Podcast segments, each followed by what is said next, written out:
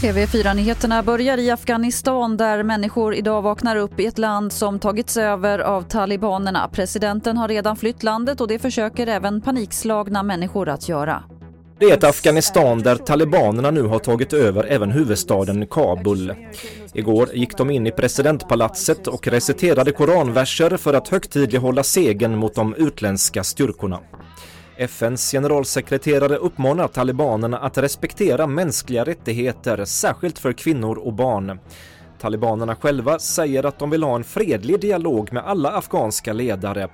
Men det är just nu mycket oklart vad som kommer hända i Afghanistan. Reporter här var Magnus Wennerholm. Sent igår kväll fick ett lägenhetshus i Fagersta evakueras efter att det börjat brinna i en pizzeria i samma byggnad.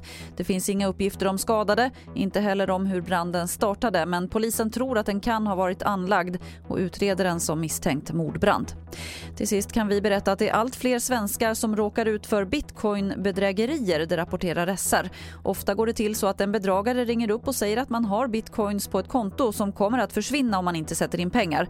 Och den här bedrägeriverksamheten Verksamheten finns i hela världen och omsätter belopp på flera miljarder.